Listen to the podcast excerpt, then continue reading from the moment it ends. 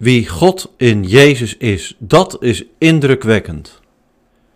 Dit is een preek over Colossense 2, vers 6 tot en met vers 15. De gemeente in Colosse is een jonge gemeente, net ontstaan, te midden van indrukwekkende religies en oude tradities. Je kunt erdoor worden geïmponeerd. Maar uh, Paulus wijst op een groot geloofsgeheim. Ik hou deze preek in het kader van het feit dat er twee bedieningen van de heilige doop plaatsvinden in de dienst. Ik lees eerst de tekst, Colossense 2 vanaf vers 6. Leef in eenheid met Christus Jezus, nu u Hem als uw Heer aanvaard hebt. Blijf in Hem geworteld en gegrondvest.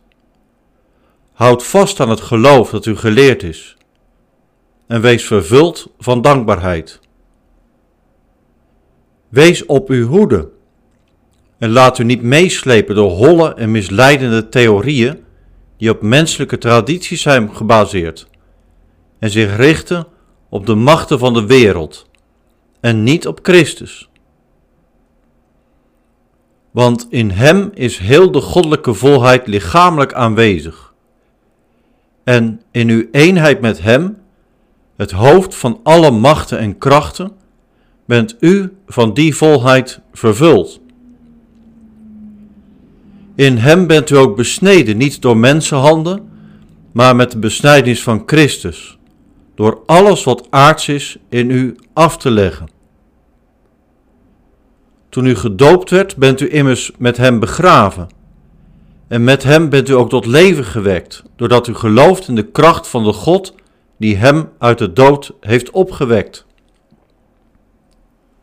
U was dood door uw zonde en door uw onbesneden staat. Maar God heeft u samen met Christus levend gemaakt toen hij al onze zonden kwijtschold. Hij heeft het document met voorschriften waarin wij werden aangeklaagd, nietig verklaard en het weggedaan door het aan het kruis te nagelen. Hij heeft zich ontdaan van de machten en krachten. Hij heeft hen openlijk te schande gemaakt en in Christus over hen getriomfeerd. Tot zover het woord van God. Gemeente van de Heer, beste luisteraar, afgelopen zondagmiddag ging ik voor in de gemeente van Utrecht Centrum. Dat was voor mij een bijzondere ervaring, want in die gemeente ben ik gedoopt. Zondag stond ik naast het doopvond, maar mijn ouders mij ten doop hebben gehouden. Ik weet uiteraard niks meer van de dag dat ik werd gedoopt. Het was wel de belangrijkste dag van mijn leven. Bij de doop spreekt en werkt de drie-ene God. We hebben gelezen dat Paulus dit over de doop zegt in Colossense 2 vers 12. Toen u gedoopt werd, bent u immers met hem, dat is Christus, begraven. En met hem bent u ook tot leven gewekt, doordat u gelooft in de kracht van de God die hem uit de dood heeft opgewekt. In deze preek staan we kort stil bij een paar versen uit Colossense 2, want vandaag wordt het twee keer gedoopt. Wat fijn dat de Heer huwelijken zegent, opnieuw zegent. Dat gezinnen naar voren komen.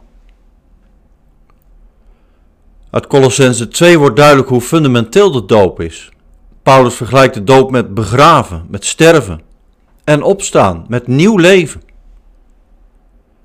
Hoe bijzonder leven is, merk je als je een kind krijgt wat groots en spannend. Het moet dan allemaal goed gaan. Dank God voor iedere keer dat leven gezond wordt geboren en moeder en kind daarin gezegend worden. Let op, dopen is begraven worden met Christus. En met Christus opstaan. De doop gaat over veel, over vergeving van zonde, zodat alles nieuw wordt. Doop gaat over geloof, de werking van de Heilige Geest. Hij zorgt ervoor dat Jezus het telkens meer voor het zeggen krijgt in heel je leven. Al die versen die we net hebben gelezen gaan daarover. Het gaat over leven met en groeien in Jezus. Al die onderwerpen komen straks ook terug in de vragen voorafgaand aan de bediening van de heilige doop. Wij kennen in onze kerken twee sacramenten, doop en avondmaal. Avondmaal is actief, dat wil zeggen je viert heilig avondmaal. Bij de doop is dat anders, de doop is passief. Je wordt gedoopt. Of je nou als kind of volwassene wordt gedoopt. En daarom denk ik dat de doop nog wel het beste laat zien wie God is en hoe Hij werkt. Zoals jij zelf niet besluit om te gaan leven, maar geboren wordt. En zoals jij jezelf niet begraaft, maar begraven wordt. Zo doop jij jezelf niet, maar word je gedoopt. In dat passieve schuilt iets bijzonders, een geheim. De doop gaat niet over wat jij en ik doen. Het gaat niet over mensenhanden. Het is niet iets uiterlijks, zegt Paulus. God is aan het werk. Vers 14. Hij heeft in Jezus alles wat jou zou kunnen aanklagen. Denk aan de wet. Denk aan je geweten. Aan het kruis geslagen. Op Golgotha heeft God in Jezus zelfs de dood overwonnen. Niets kan je scheiden van Gods liefde in Jezus. En daarom is deze dag met de bediening van de Heilige Doop een feest. Voor de gezinnen, voor ons allen. Wat ontzettend fijn om dit alles in een volle kerk te beleven met elkaar onder Gods zegen. Ik zoom even iets meer in op Colossense 2. De gemeente waar Paulus aan schrijft is een jonge gemeente. Een gemeente die leeft te midden van allerlei imposante religies. Er gebeurden, geweldige dingen. En er waren ook imponerende en gezaghebbende, want oude tradities. Denk aan Joodse tradities. En ja, daar kun je van onder de indruk raken. Denk, denk bijvoorbeeld aan voetbal. En je ziet wel eens dat een club heel voorzichtig voetbal tegen een tegenstander, omdat ze heel veel ontzag hebben voor die andere club. Omdat hij een grote naam heeft of een bijzonder stadion. Nou, zo kon die gemeente in Kolos ook onder de indruk raken van de religies om hen heen. Al die tradities. Paulus zegt iets over hun regels. Vers 16. Hun toewijding of bijzondere hemelse ervaringen. Vers 18. Ja, en dan ben je nog maar een net ontstane kerk, een nieuwkomer op de religieuze markt. Wat stel je dan voor? Je kunt onzeker worden. Nou, dan zet Paulus het vizier op scherp. Hij zegt, laat je imponeren, zeker. En doe dat door Gods Zoon. In hoofdstuk 1 zegt hij dit. In hem, Gods Zoon, is alles geschapen. Alles is door en voor hem geschapen. Hij bestaat voor alles en alles bestaat in Hem. Het is een soort loflied of beleidenis.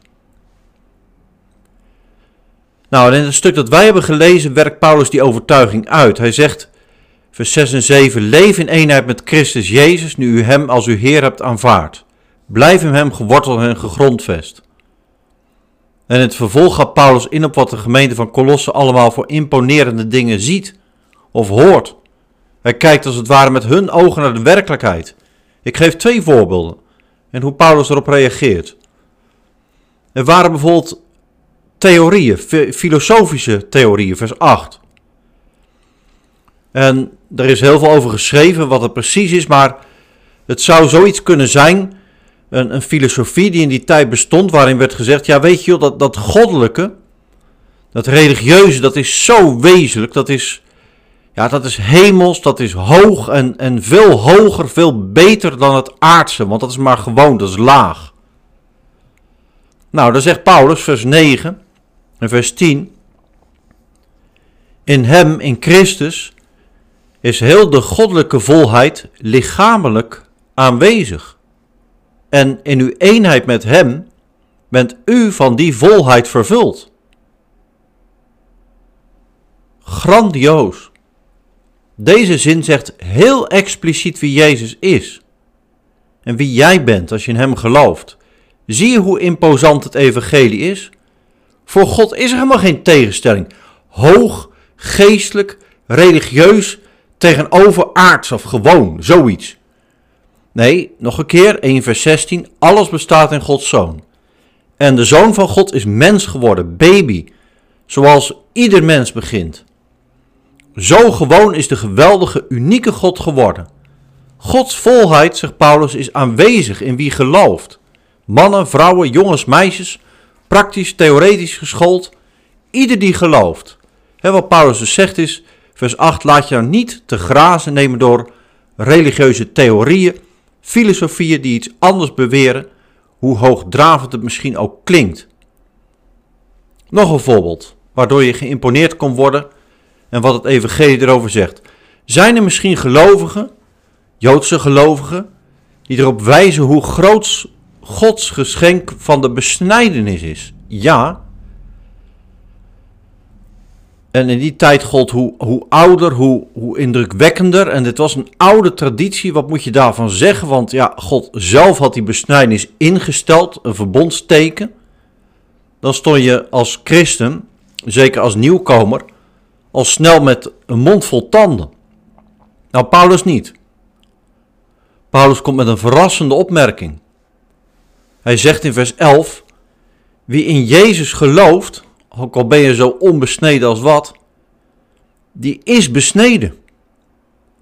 Namelijk met de Christusbesnijdenis. En daarmee bedoelt hij, het is eigenlijk een opmerking met een knipoog, de doop. En de doop die gaat veel verder dan een lichamelijke ingreep door mensen zoals de besnijdenis. God is in Jezus reddend en bevrijdend opgetreden. Daarover gaat de doop. Ieder die zegt dat jij iets mist als je Jezus kent, in Hem gelooft, in Hem gedoopt bent, heeft het evangelie niet begrepen. Nou, zo ondersteunt Paulus het geloof van de jonge gemeente in Colosse. Hij bemoedigt. Wie gelooft, heeft de grootste schat. Wie gedoopt is, krijgt het mooiste cadeau dat bestaat. Het symbool dat God je kent en van je houdt. Twee concretiseringen. Straks zien we bij de gewone doop hoe bijzonder Jezus is. Er worden vragen gesteld, kraanwater gebruikt, maar ondertussen handelt God. Vier deze dag en besef dat je bij Jezus hoort of weet je door Hem genodigd. Maar stel jezelf ook een vraag. Stel, Paulus had in onze tijd zijn brief geschreven. Aan jou, aan ons. Waar was het dan over gegaan? Wat zijn nou de dingen die jou en mij kunnen imponeren op zo'n manier dat je zegt van wow, dat is zo groot, zo bijzonder. Ja, dan ben ik eigenlijk maar niks en als gelovige, ja, wat stelt mijn geloof dan voor? Kijk, religies zoals toen, die imponeren ons niet echt. Daar raken we niet van van de kaart. En oude tradities, besnijdenis ook niet. dus om te zien wat, wat Colossense 2 betekent, zul jij voor jezelf ook moeten bedenken wat maakt nou heel veel indruk op jou? Wat neemt je nou zo in beslag dat je niet meer ziet hoe geweldig God in Jezus is? Laat ik twee voorbeelden noemen. Denk aan de overweldigende realiteit van de oorlog die we vandaag zien. Die kan je verlammen. Zoveel geweld vreselijke ellende, macht en het misbruik daarvan. Moet je je voorbereiden op een escalatie, ook in ons land? Heel wat mensen doen dat, zogenaamde preppers. Zij bereiden zich voor op ja, oorlog of moeten onderduiken. Online winkels kunnen de vraag naar houdbaar voedsel en andere zaken niet meer aan. Net zoals er aan het begin van de coronacrisis werd gehamsterd, zo gebeurt het nu ook. Nou kijk, je voorbereiden is allemaal niet verkeerd, dat is het punt niet. Maar de vraag is, die Colossense 2 stelt, in wie of wat stel jij je vertrouwen? Is er een macht die sterker is dan oorlog, dan oorlogsgeweld, dan Poetin? Bestaat er een God voor wie ieder mens zich eens zal moeten verantwoorden, wie je ook maar bent. Dat is waar het om gaat. En de doop laat dat zien. De doop, na de doop gaan we bidden. En één zin uit het gebed luidt: Geef dat, en dan komt de naam van de dopeling, zonder angst mag verschijnen voor zijn of haar rechter en redder. Nou, daarover gaat het doop. Dat je de grote dag van Jezus voor ogen houdt. Leef in eenheid met Jezus, zoals Paulus zegt in vers 6. En die opdracht klinkt vandaag ook. En vind dan wat je hand vindt om te doen. Het kan zijn dat je helpt. Gelukkig hebben we dat ook gedaan, ook in de gemeente, dat je bidt. Misschien kun je zelfs opvang verlenen. En in onze stad in Dordrecht is er ook de gelegenheid om aanstaande zondag in de grote kerkje solidair te verklaren met de Oekraïne. Nog een voorbeeld. Waardoor laat jij je imponeren? Wat nou als Colossense 2 vandaag was geschreven? Nou, laat ik een voorbeeld noemen op het gebied van iets anders. Vandaag vinden wij echtheid of authenticiteit heel belangrijk. Je hoort mensen willen zeggen van dit was zo gaaf, zo echt. Ik kreeg er kippenvel van. Wauw. Je bent echt onder de indruk. En dat is prachtig als er zoiets gebeurt. Je vergeet het niet snel. Maar is dat nou waar het om gaat? Zo'n beleving. In het leven gaat het veel vaker om het gewone en dat je daar trouw in bent. Zoals God in Jezus gewoon mens is geworden, zonder zonde. Golgotha, de kern van het evangelie, was echt geen kippenvelmoment. Het was vreselijk. En toch laat God juist zo zijn trouw zien. Hou die Heer voor ogen. En volg Hem in heel je leven. Dat is waar het om gaat. En dan krijg je die mooie momenten vast ook wel bij. Maar volg Hem in je huwelijk, in je dagelijkse trouw op je werk, bij je opleiding, in je geloof in de kerk. Het gaat niet om een superbeleving. Dank God als je die krijgt. Het gaat om een geloof in de geweldige God die er elke dag is. Dat je in de doop kopje ondergaat in zijn werkelijkheid. Alles maakt hij nieuw. Ik rond de preek af. Vandaag is het feest in de kerk. God spreekt en handelt. We zijn er met veel getuigen van. Laat je door God imponeren en inspireren. En leef zo tot een zegen voor al diegenen die God op jouw weg plaatst. Amen.